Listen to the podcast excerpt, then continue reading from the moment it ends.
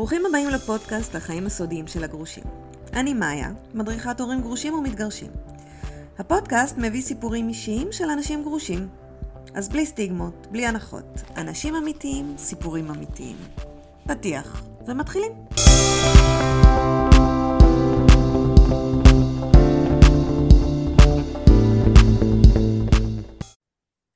היי, ברוכים השבים.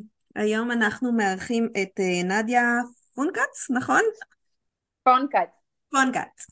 אה, נדיה היא צלמת נשיות. אנחנו נדבר על נשיות ועל דימוי גוף. היי נדיה. שלום, מאיה, מה שלומך? בסדר, בואי תציגי את עצמך. אה, אז כמו שאמרת נכון, אז שמי נדיה, אה, אני צלמת נשיות בשנים האחרונות, זאת אומרת לפני זה גם הייתי צלמת, אבל פחות התמחיתי בעניין של נשיות, ואני מאמינה שאני בשליחות, כי אני הגעתי לשליחות הזאת אה, בעקבות הגירושים שלי, mm-hmm. כשכמובן אה, שבטח גם את יודעת מה זה לעבור גירושים, זה תהליך שבעצם אה, מחייב אותך להגדיר את הכל מחדש, נכון? מה זה נשיות, מה זה מיניות, מי את בכלל, מה, מה את בכלל, ואני בתוך החקר הזה אה, חיפשתי גם דרך לרפא את עצמי, גם את המיניות שלי, גם את הנשיות שלי, הכל, הכל נפגע בעקבות גירושים כמובן, ו... מה? ערך... מה היה בנישואים שגרם לך לרצות לעשות את זה? אה, בתור התחלה אני התחלתי לחלום חלומות אה, אינטימיים על נשים. עכשיו אני הייתי בנישואים מונוגמיים עם גבר והיינו נאמנים אחת לשנייה כל, ה, כל התקופה, כל השנים שהיינו ביחד. כן. ואני תמיד הייתי אישה סטרייטית ובכן לא חשבתי שזה, שזה יכול לקרות לי, את יודעת, ואני גם באה מחינוך סובייטי, שזה, את לא אמורה לחלום חלומות כאלה, כן? ואז כן. התחלתי לחלום, לחלום את זה, ואמרתי, זה לא קרה פעם, פעמיים, זה קרה, זה קרה בהמשכים. ואמרתי, אוקיי, מה לא בסדר איתי? הייתה השאלה הראשונה, מה, מה לא בסדר? למה אני חולמת על נשים? אני לא לסבית, אני לא גיי, אני לא נמשכת לנשים. לא, לא, אף פעם לא, זה לא עניין אותי, אבל פתאום אני מוצאת את עצמי באמת באמת אה, חולמת חלומות מאוד מאוד לוהטים בנושא, ואחרי שהתגרשתי ויצאתי ממסגרת הנישואים ונפתחתי לעולם הדייטינג, אמרתי, אוקיי, אז כנראה שיש פה משהו שאני אה, רוצה לבדוק, אני רוצה לחקור, אוקיי? כן. אה, עכשיו את גם יכולה בעצם. עכשיו אני גם יכולה, בדיוק, אני אישה חופשייה, אני... אמ, אז בסוף, והתחלתי לצאת עם מישהו, עם בן זוג שלי, שהיום הוא כבר בעלי, אמ, והוא אמר לי, תקשיב, את חייבת לנסות את זה, אם את חולמת על זה, אם את נמשכת לזה, את חייבת לנסות את זה, את תעופי על זה, ואני כזה, מה, זה באמת ככה פשוט? הוא אמר לי, כן, זה ככה פשוט, למה, למה שלא?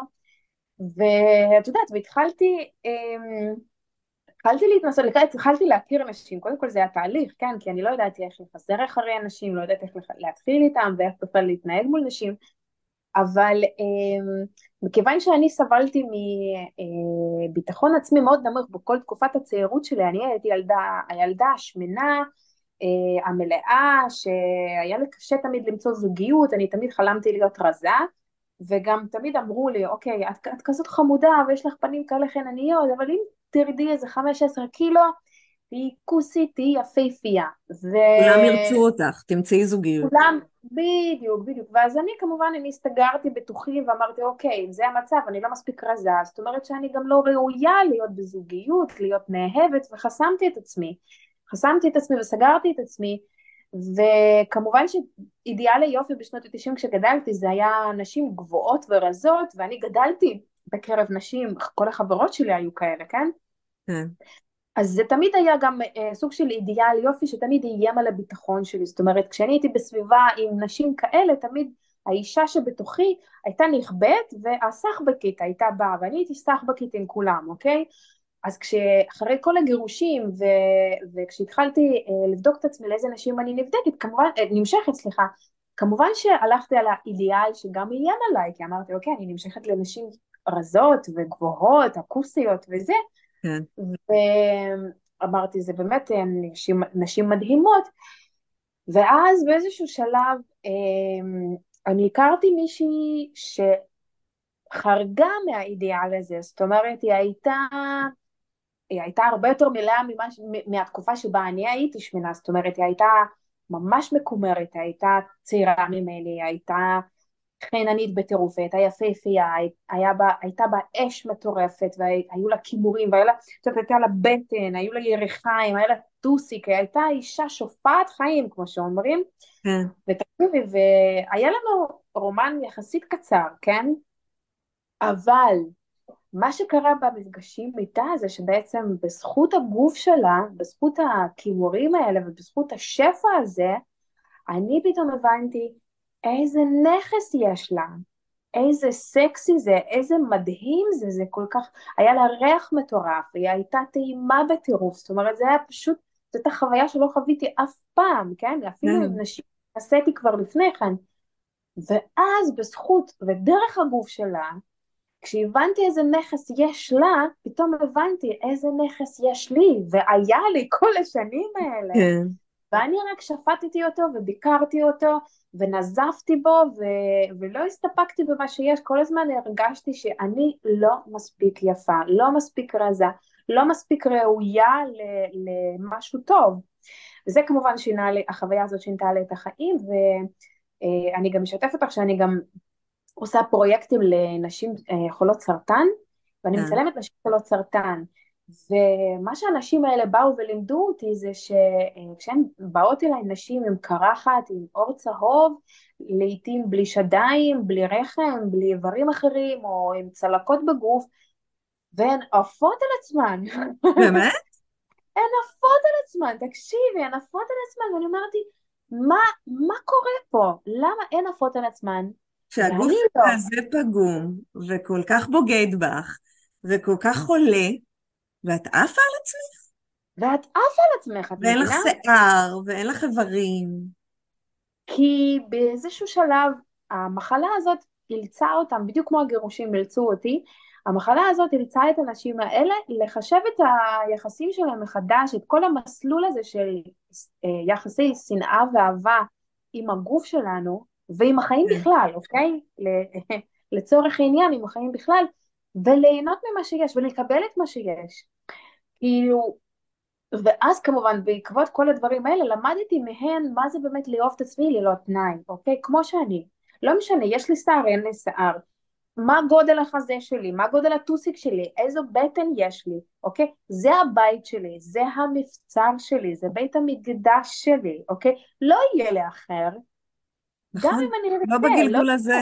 לא בגלגול הזה, אז יש לי רק בחירה אחת, או שאני יכולה באמת להעביר את סוף, עד סוף חיי להיות בשפיטה וביקורתיות ונזיפות וכל הזמן חוסר שביעות רצון, או שאני פשוט יכולה לקבל את מה שיש ולשחק את הקלפים האלה, כי זאת החלטה שלי בסופו של עניין, אם זה יפה או לא, אוקיי?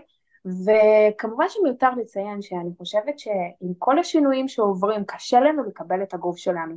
אחרי לידות, אחרי הנקות, אחרי נכון. כל השינויים שאנחנו, גם סימני התבגרות, אנחנו מתחילות לקבל אה, קמטים, והשיער מלבין, והשיער באמת, אה, הכל מתחיל לאבד מהחן ומהגמישות כוח המשיכה עובד, כן. כוח המשיכה עובד, כן, אבל המשיכה היא כלפי מטה עכשיו. כן. ואז אה, אמרתי, אוקיי, אין, לי, אין לנו אפשרות להפוך את התהליך, אין לנו אפשרות לעצור אותו, יש לנו רק האפשרות היחידה, הבחירה היחידה שיש לנו בחיים זה רק לבחור איך אנחנו מגיבות לזה, אוקיי? נכון, אבל אני שנייה, כאילו, את כאילו רצת לתוך התורה ואני שנייה עוצרת אותך, כי מה שאת מדברת עליו, להימשך לנשים זה דבר אחד, זה לא קורה לכולם, להעיז לעשות משהו בנידון בכלל מהמם בעיניי, כי כמו שאמרת, חיוך סובייטי, מה העניינים איתי? אין מצב, זאת אומרת, יותר הגיוני להדחיק את זה. אבל נכון. מה ש... את מדברת עליו שיותר פונה לכולם, זה שבעצם כולנו חושבות ככה. גם באמת? אם אנחנו הכי יפות והכי מדהימות. דיברתי כאן בפודקאסט עם אילן נחשון, שכל החיים אמרו לה שהיא יפה, זאת אומרת לא היה לה ספק בזה שהיא יפה, ואז בא מישהו ואמר לה, את צריכה להוריד עוד איזה חמש קילו. סתם איזה מישהו שם בחדר הלבשה, וזה גמר אותה. מכיוון שכל אה, מהותה הייתה היופי שלה ואיך היא נראית, כי זה הדבר היחידי שאמרו לה. היא לא ידעה שהיא חכמה, היא לא ידעה שהיא מוכשרת, היא, היא כתבה ספר מהמם, היא מאוד מאוד מוכשרת. היא לא ידעה על עצמה שום דבר חוץ מזה שהיא יפה. אצלי בבית היה נורא נורא חשוב אם שמנת או רזית. זאת אומרת, כל מה ש... אה, ראית את זאת? איך היא שמנה? וזאת נורא רצתה איזה יופי. זאת אומרת, זה... כל השיח היה סביב זה, ואני חושבת שאיפשהו, אני מניחה שהדור שלנו, כי אני לא זוכרת שסבתא שלי אי פעם התעסקה באם שמנה או לא, אבל אימא שלי כבר כן, ואני חושבת שכולנו, כשאנחנו רואים בלוח מודעות את הדוגמניות הסופר מרוטשות, ו... או המאוד מאוד רזות האלה, ומראים אותן כי הן באמת, זה לא, זה לא כמו כולם, זה משהו שונה. אבל אנחנו, זה אידאל היופי שלנו. במיוחד של הילדים שלנו, גם הבנים כן. וגם הבנות. או, את נגעת בנקודה מאוד רגישה, וקודם כל את באמת, את צודקת במה שאת אומרת. חשוב לזכור שבעצם אה, כמה דברים. אחד, אידיאל יופי זה משהו שמשתנה בהתאם לתקופה, נכון. לתרבות, למיקום גיאוגרפי ולעוד הרבה מאוד דברים, אוקיי? אם אנחנו נסתכל אחורה, אני גם אוהבת לפעמים להציג תמונה, אני לא אציג את זה עכשיו כי אנחנו אה, לא רואים אותנו, אה, אבל אידיאל יופי זה משהו שמשתנה, אוקיי? זה איזושהי הסכמה חברתית שבעצם באה להשאיר את כל שאר האוכלוסייה בשוליים, אוקיי? היא רק, היא רק כן. מעצימה איזשהו מבנה גוף אחד מסוים ולא נותנת בעצם במה לשאר מבני גוף ולהפך היא כאילו כל הזמן מנסה לדכא אותם אוקיי אז לרדוף אחרי אידיאל יופי זה די מטופש נכון כי ראינו שהחל אפילו משנות התשעים עד להיום יש שינוי משמעותי בדוגמניות שמייצגות אותנו בעולם האופנה, בעולם המשחק, בעולם הבידור, זה משתנה, אוקיי? אני אבל, אבל כמה... את בעצמך אמרת את זה, כשאת רצית לחפש מישהי, את רצית גבוהה ויפה כמו אידאל היופי, ולכן אף גבר שאני מכירה לא אומר, אני רוצה שמנה. גם בטלוויזיה עכשיו ראינו שגברים... אני מכירה מלא גברים כאלה, אני חקרתי את כן? הנושא, עושה את זה בקרב גברים גם כן, כאילו גם לגברים, אוקיי, אוקיי. יש בעיות אה, עם דימוי גוף, אבל מה, הם לא מדברים את זה, אנחנו נשים מדברות את הנושא, נכון. גברים לא מדברים את הנושא, אבל מה, אה, שאלתי מלא גברים, ובסופו של דבר אנחנו הגענו רק למסקנה אחת, גם גברים מושפעים מאידיאל יופי, זה נכון מה שאת אומרת, נכון. הם לא תמיד יודעים איזה נשים הם אוהבים, אבל הם תמיד יודעים איזה נשים הם אמורים לאהוב. וואו. בזכות זה, בזכות זה שיש ייצוג מאוד מאוד מסוים וביקוש מסוים, ויש הכתבה בעצם, כפייה עלינו, כן? כפייה חברתית, על איזשהו אידיאל יופי או איזשהו מבנה גוף מסוים, אוקיי? אז גם גברים, הם רואים את זה, הם רואים מי מייצג אותנו ב... בקולנוע, בשחק, במשחק, מי הזמרים, מי, מי אנחנו רואים, מי נחשב ליפה ונחשב, כן. ואז הם רוצים משהו דומה, בלי לשאול את עצמם אפילו את השאלה הזאת, למי אני באמת נמשך. וזה גם מה שאני עברתי. בזכות החוויה הזאת שסיפרתי, אני כן. שאלתי את עצמי בעצם למה אני נמשכת לנשים גבוהות, ורק בזכות זה הבנתי שנכון, סך הכל בגלל שזה היה אידיאל יופי בתקופה שאני גדלתי בה. לא נכון. לא כי זה באמת, באמת, אני לא אומרת שזה לא יפה חס וחלילה, אני חושבת שזה יפה יפה וזה סקסי בטירוף, אבל מה, אני רק, עכשיו אני יודעת שיש עכשיו עוד מבני גוף אחרים ועוד נשים, ובעצם, וכולנו יפים באותה מידה, זה רק עניין של טעם. מי אוהב יותר, מי אוהב פחות, ואני מכירה אין סוף גברים שנמשכים לנשים מלאות וגדולות. הם לא נמשכים. בזה? בוודאי שהם מודים עם זה, בזה, בטח. בטח. אז כן, אז בעצם נכון, את מבינה, אז אידיאל יופי זה משהו שמשחק נגדנו. ואנחנו כל כך עסוקות mm. בזה, גם סבתא שלי לא התעסקה בזה, אבל מה, הייתה לה איזושהי מודעות לזה, אבל גם אימא שלי הייתה מודעת לזה, והיא כן גם רצתה להיות רזה, וגם אחי, תקשיבי, חברה הכי טובה שלי בגיל 24 או ב-25 באה ואמרה לי את זה מפורשות בפנים, היא אמרה לי, תקשיבי, אני אגיד לך את זה, אף אחד לא אומר לך את זה בפנים, אני אגיד לך את זה. אם לא תרדי במשקל, לא יהיה לך בן זוג. אוקיי? וכמובן שאני בדיוק כמו אילן עכשיו, לקחתי את זה פנימה הכי קשה שיכול להיות, גם כי זה גיל יחסית רגיש עדיין, כן? וגם אני עוד לא מבינה את הדבר בדברים האלה, אז אני הסתגרתי בתוך עצמי לשנים רבות קדימה, ולא נפתחתי ולא פתחתי את הלב, ולא באמת אה, עבדתי על הביטחון העצמי שלי. וזה נכון. כי מה שהיא אמרה לך זה את לא בסדר. נכון, נכון, שאני לא בסדר, אבל בעצם מה זה אומר? כשאנחנו מבססות את ביטחון העצמי שלנו רק על סמך מראה חיצוני, זה גם לא נכון, זה, זה גם משחק נגדנו, כי אז אנחנו גם במקרה שלי, של הילה, אנחנו באמת נתקפות ואנחנו הכי רגישות, אנחנו חושבות שזה הנכס היחידי שיש לנו וזה, וזה החיצוניות, וזה לא נכון. אנחנו צריכות לחזק אה, צריכות לחזק את עצמנו מבפנים, אנחנו צריכות לחזק את התכונות אופי שלנו ולא רק את המראה החיצוני. הנה עכשיו ראית את הקטנה שלי בפריים, כן. נכון? היא מקבלת המון מחמאות על המראה החיצוני שלה, וזה מדאיג אותי. אני, אני דואגת לחזק אותה בבית על דברים אחרים, כי אני לא רוצה שהביטחון שלה ייבנה רק על סמך המחמאות החיצוניות שהיא מקבלת, אוקיי? זה תפקיד שלנו כהורים. זה לא הדבר היחידי שיש בה.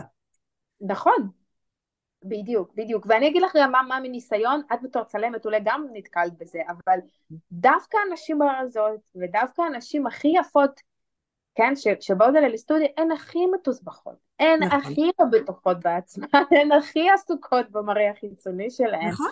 והן הכי לא מרוצות אף פעם ולא שבעות אה, ממה שיש להן. אוקיי? אז אני אומרת, אוקיי, אם אין לך שום סיבה אובייקטיבית, ואין לך, תכלס, אין לך שום סיבה אובייקטיבית, לא לאהוב את עצמך. אובייקטיבית לא, אבל כל הסיבות שלנו סובייקטיביות. ולכן כל דבר זה מה אמרו לנו בבית, ומה... זה מוטמע בנו. נשמנו את זה כשהיינו קטנות, ולכן כל כך קשה לשנות את זה. לכן אה, זה משהו שנשמתי 50 שנה, יהיה לי מאוד קשה לשנות אותו עכשיו. איך עשית את זה? אבל זה עדיין אפשר, אני לא, אני אשקר לך אם אני אגיד לך שאין לי ימין שאני מסתכלת במראה ואני לא מרגישה מאותגרת, אוקיי? זה לא נכון אוקיי. לומר את זה. אני גם, אני בדיוק כמוך, 40 ומשהו שנה, סחבתי בתוכי אמונה מאוד מאוד שגויה, ואת צודקת, זה קשה להיפטר מזה, אבל זה אפשרי, אוקיי? למה מצוידת היום יותר בכלים שמאפשרים להשתחרר מזה כמה שיותר מהר, וכמה שיותר קל, אוקיי? מאיפה, מאיפה הביקורת מגיעה? נגיד עכשיו בחודשים האחרונים אני הפסקתי לעשן.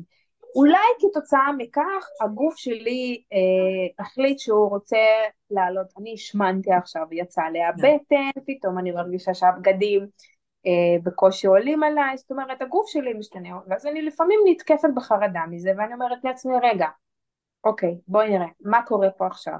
לפני שאני נכנסת לדיכאון ומכריזה לכל העולם שאני לא יפה ולא מספיק uh, מושכת. האם אני מרגישה פחות מושכת? לא. האם בן זוג שלי אוהב אותי פחות? לא. האם אני אוהבת את עצמי פחות? לא. אוקיי, אז מה יש לי?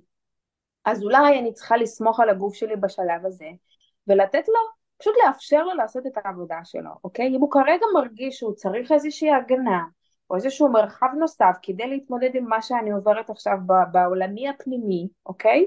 כן. אז אני סומכת עליו. אני סומכת עליו, אוקיי?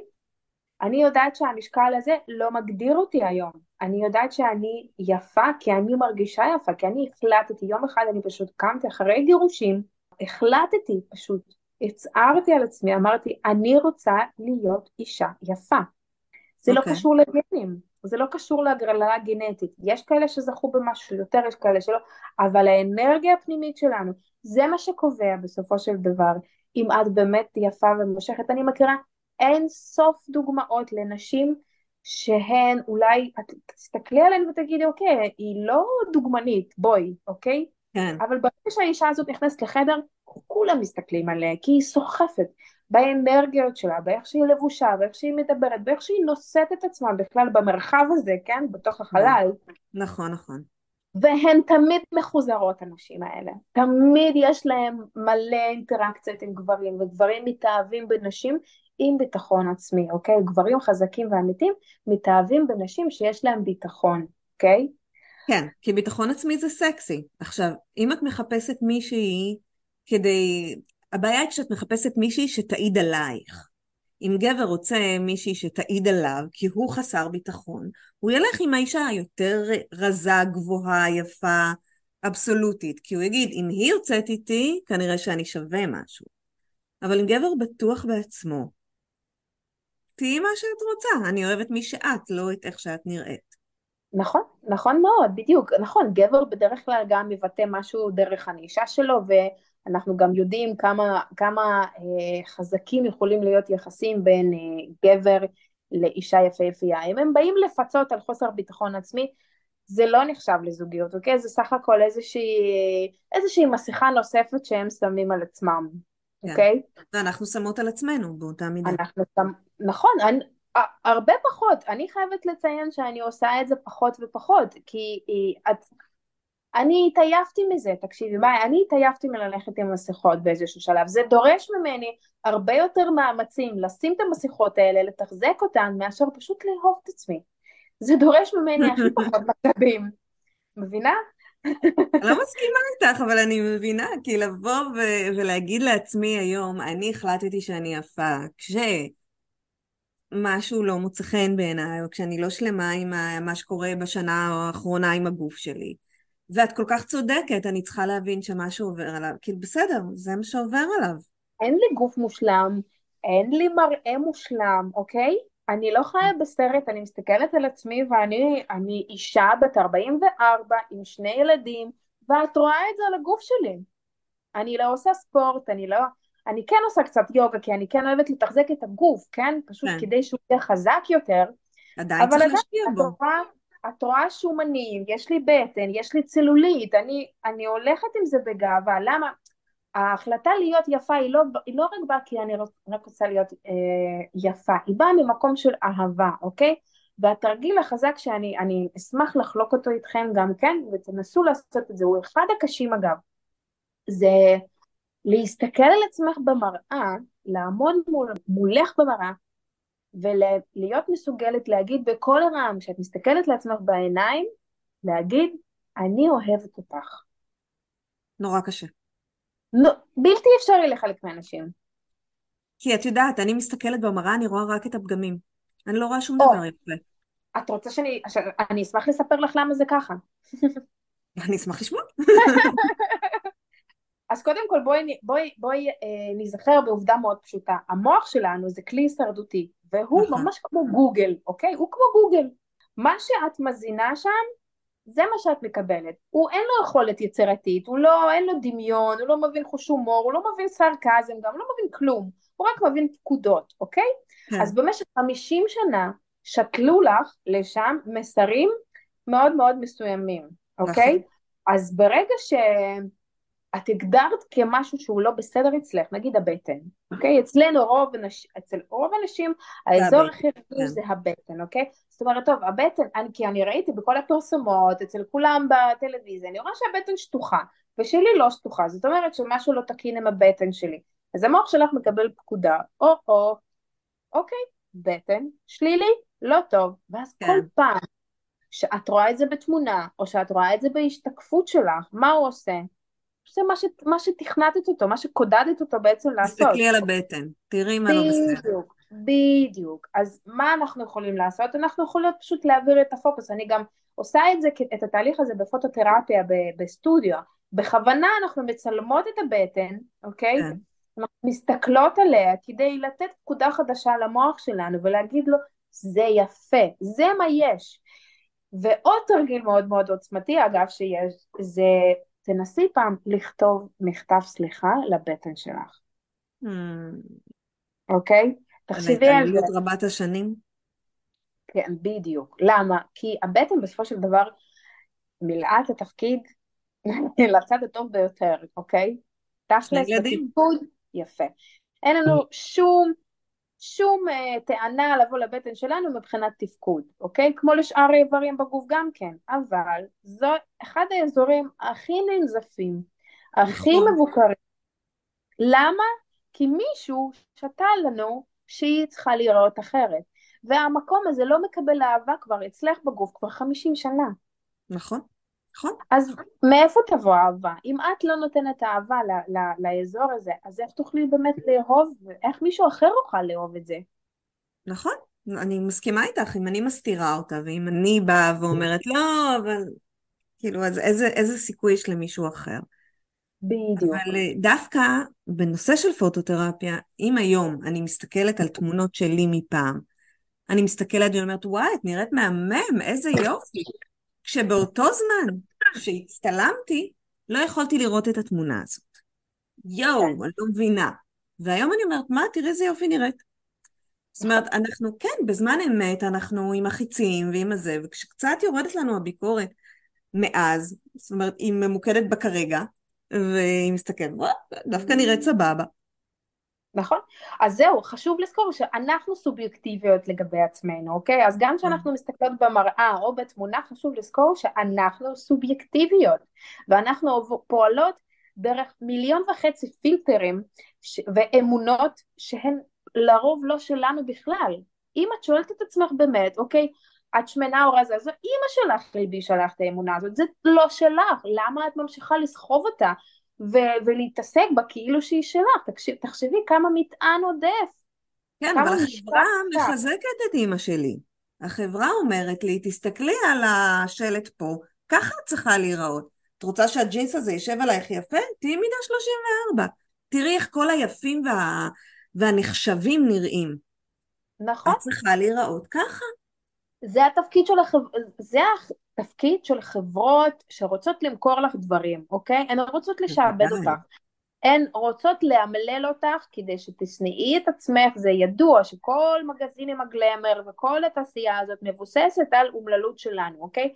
זה המסר העיקרי שלה, שתרגישי תמיד לא מספיק יפה, כי כשאת באה ממקום של חסך, את רוצה לפצות את עצמך במוצרים חדשים, בקניות ובכל מיני דברים שאת לא באמת באמת צריכה, כי זה לא מרומם לך את הביטחון שלך, זה רק מרסק לך אותו, אבל מה, את יכולה להגיד אוקיי, אני מודעת לזה שהחברה מכתיבה איזשהו אידיאל, אוקיי? היא רוצה שאני אראה ככה. למה? כי מישהו החליט היום שזה יפה.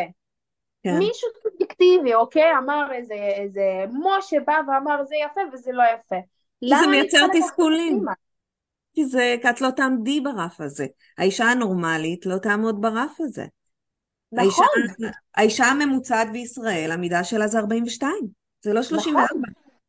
נכון, בדיוק כמו שאנחנו התרגלנו לזה שגם הגברים אצלנו הם לא הכי גבוהים, אוקיי? והם קרחים, בראש לפחות, בגוף לא, אוקיי? אנחנו רגילות לאיזשהו באמת, אנחנו חיים ב... ב- זה האידאל הצבאי, כן. בדיוק, בדיוק, ואנחנו לא, אנחנו לא חושבות שהדברים שלנו נהיו פחות סקסיים בגלל שלפעמים יש להם קריאס או שהם קרחים או שהם מטר שבעים ושש ולא מטר תשעים ושמונה, אוקיי? אז אותו דבר חשוב גם לזכור לעצמנו, אוקיי? מי הוא האידיאל שאני רוצה, אוקיי? אני האידיאל שלי, אני מגדירה את עצמי כאידיאל יופי. למה? אני, זה מה שיש. לא יהיה לי גוף אחר, גם אם אני אקפוץ מהגג, גם אני ארעיב, אם אני ארעיב את עצמי למוות, אני לא אהיה בגוף אחר. כן. או שאני אהיה אומללה, או שאני אהיה מאושרת. זהו. את יודעת, אני חושבת על זה, אני, אני לא אוהב את הבן זוג שלי פחות אם הוא עלה קילו או ירד קילו. זה הרי לא. מה שיעשה את זה. בדיוק. וגם הוא לא אוהב אותי פחות אם אני עולה קילו או יורדת קילו. זה אני שלא אוהבת את עצמי אם עליתי קילו. נכון. אז זה מה שאני אומרת, חשוב לנו פשוט לזכור, תקשיבי, לכולנו יש את התקליט הזה שמתנגן לנו בראש 24/7, והוא מכתיב לנו ומנגן לנו את האמונות שהלבישו לנו, ששתלו לנו, זה לא אמונות שלנו, אבל הקול הביקורתי הזה, אוקיי? ניתן לעבוד על זה וניתן לשנות את זה, זה גם משהו שאני עושה, אני כל הזמן, אחד התרגילים שאני נותנת לכל הנשים שבאות אליי לסטודיו, לפני שאנחנו בכלל ניגשות לצילומים, כן, הצילומים זה השלב האחרון במסע שלנו. אני אומרת לה, אנחנו נתחיל מזה שבמהלך השבוע, מה שאת עושה, זה בסוף כל יום, את רושמת בדף כמה ביקורת עצמית נתת לעצמך במהלך היום, אוקיי? אנחנו פשוט מנסות לעקוב ולזהות את הקול הביקורתי הזה, כי הוא לא שלנו, אוקיי? אם את שואלת את עצמך בעצם, אם את אוהבת את עצמך, אם את... האהבה מתחילה פה, בדיאלוג פנימי ואוהב, לתת חמלה לעצמך, תדברי במילים של חמלה כלפי עצמך קודם כל. וכשאת כל הזמן נוזפת בעצמך ואומרת, אוף, זה, למה זה קורה, תמיד קורה לי. כמו שאמרנו, גוגל, המוח הוא כמו גוגל, אם את שואלת אותו מה לא בסדר איתי, הוא יענה הוא יגיד לך. הבטן, האף, השיער, הזה, התחת, הזה, הוא, הוא ייתן לך את כל התשובות שקיבלת במהלך החיים, שלא תטעי, אוקיי? אז זה לא שאלות שמחזקות אותנו, זה לא שאלות נכונות שאנחנו צריכות לשאול את עצמנו. השאלות הנכונות הן, מה יעשה לגוף שלי טוב יותר? איך אני יכולה להביא אהבה לגוף שלי היום? מה, אולי בא לי ללבוש משהו, שעושה לי טוב בהרגשה הפנימית, אוקיי? אולי בא לי לפרגן למישהי, סתם, כדי להתחיל לדבר בכלל, לתרגל שיח אהבה, לעמוד מול עצמי במראה ולהגיד, את יודעת מה, אולי אפילו, אני, אני עובדת על זה, אני רוצה לאהוב את עצמך, אני עובדת על זה, אני מתחילה לעבוד על זה וזה חשוב לי, ואז לאט לאט, השינויים האלה לצערי לא קורים ביום אחד, אוקיי? זה לא כן. שאת יכולה באמת לבוא ו... אני סיפרתי לך שאני קמתי והחלטתי שאני יפה, אבל זה תהליך שלקח מלא שנים עד שזה הגיע, נהיה באמת בפועל, ועד שהתבשלתי בכלל לקחת את האומץ הזה ולה, ובכלל לה, להחליט שמגיע לי להיות יפה, אוקיי? זה תהליך של שנים, אוקיי?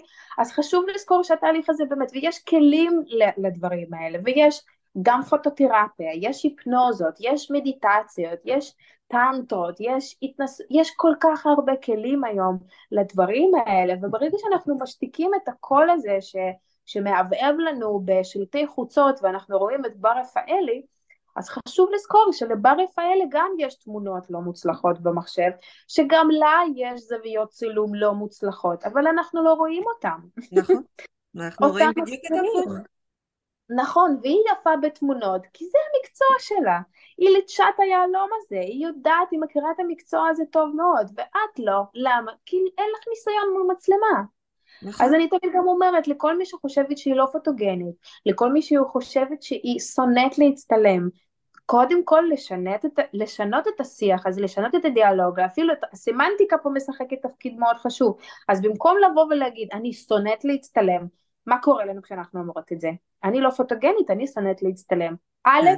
זה אומר שאת הולכת לפעול בתהליך, כי את הולכת כן. לעשות משהו שאת שונאת. ב', את פוסלת על סף את התוצאה הסופית, את כבר מגדירה מראש שהיא תצא לא לשביעות רצונך, כי את לא הולכת גם ליהנות בתהליך הזה. אז כן. קודם כל, במקום, במקום לומר, אני שונאת להצטלם, תגידי, אני לא יודעת להצטלם. אוקיי? זה מקצוע כמו כל דבר אחר. יש כלים. זאת מיומנות, והיא נרכשת. אז כשאת אומרת שאני לא יודעת להצטלם, זה לא, פתאום אומר לך, אוקיי, יכול להיות שאני גם אהנה בדרך, אני הולכת ללמוד משהו חדש, כן. ואני אולי אעוף על עצמי בסופו של דבר, זה פתאום נותן לך המון המון תקווה ומוטיבציה לתהליך, אוקיי? אני יודעת שתהליך של צילום נשי הוא תהליך שמביא להרבה העצמה נשית. Mm-hmm. יש המון עוצמה ב- בלהצטלם, אה, בלקבל את החלקים האלה שאת לא אוהבת, ב- בלהסתכל על עצמך ולהגיד, וואו, ככה אני נראית? ככה, בדיוק. בדיוק, ובסופו של דבר את מבינה שלכל אחד מאיתנו, תקשיבי, אני ראיתי כל כך הרבה נשים שנכנסות אליי לסטודיו בתור דודות, דודות כבויות ועם מיניות כבויה ועם נשיות כבויה, אבל הן, הן רוצות שינוי והן מוכנות בשביל זה, ויוצאות מהסטודיו חתולות מין. שווה? שווה. הייתה לי מישהי בת... באמצע תהליך גירושים פעם, תקשיבי, הכי הליבידו שלה בקנטים, הביטחון העצמי שלה בקנטים, היא רק עסוקה בגישורים בינו לבינה, ובמשבר זהותי קשה, כן? במשבר נשיות מאוד קשה, כי הייתה, היא לא הייתה שם, בואי, אוקיי? כן. והיא באה אליי ואומרת לי, תקשיבי, אני לא יודעת אם אני בנויה לזה עכשיו, אני בכלל לא, לא מהאנשים האלה שמתפשטות מול מצלמה, וזה בכלל לא אני, וזה לא... אומרת לה, תקשיבי, קודם כל אנחנו לא חייבות לעשות את זה בכלל. וב' את מחליטה כמה רחוק את, את רוצה לקחת את החוויה הזאת. יש נשים שלא מתפשטות, יש נשים שמתפשטות, זה לשיקולכן בלבד. והיא כזה, טוב, בסדר, טוב, יאללה, בסדר, בוא נתחיל, נראה. ותוך שעתיים היא הייתה ערומה בסטודיה, רוקדת עם הבתים ומצטלמת וזוכה לחוויה כזאת מעצימה. כמה ש... אלכוהול היה שם? אפס, אין אלכוהול, סחיות בלטה, אני לא מרשה שום כן. דבר, שום דבר בסט צילומים, כי ישר רואים את זה בפנים, רואים את זה בעיניים, אני לא מסכימה, רק היי אמיתי. איזה כיף. יש לך קבוצה שאת מנהלת, נכון? כן, יש קבוצת נשים שאני מנהלת בפייסבוק, קוראים לה פון כהאב, אה, נוכל לשלוח קישור אם אה, זה מעניין. בוודאי.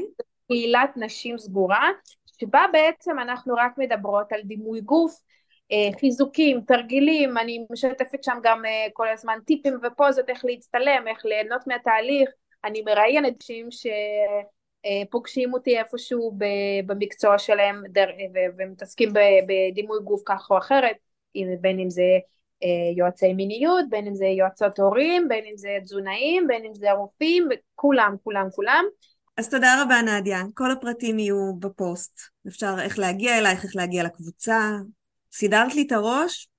ממש. עכשיו אני רק צריכה ליישם. אני מה זה שמחה לשמוע, ואני כאן באמת לכל, לכל מוטיבציה. אם את צריכה boost לאגו, אני, בשביל זה אני פה. אחת משלנו. תודה רבה. תודה רבה, מאיה. ביי ביי. ביי ביי.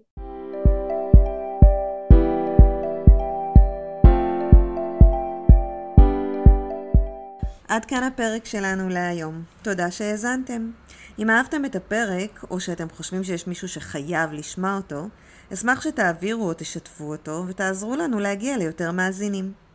אם אתם מרגישים שאתם צריכים עזרה עם הילדים והמשפחה החדשה שבניתם, אם אתם צריכים הכוונה או מרגישים שאתם מאבדים את הילדים, אתם מוזמנים לפנות אליי בוואטסאפ או דרך האתר www.maya.com.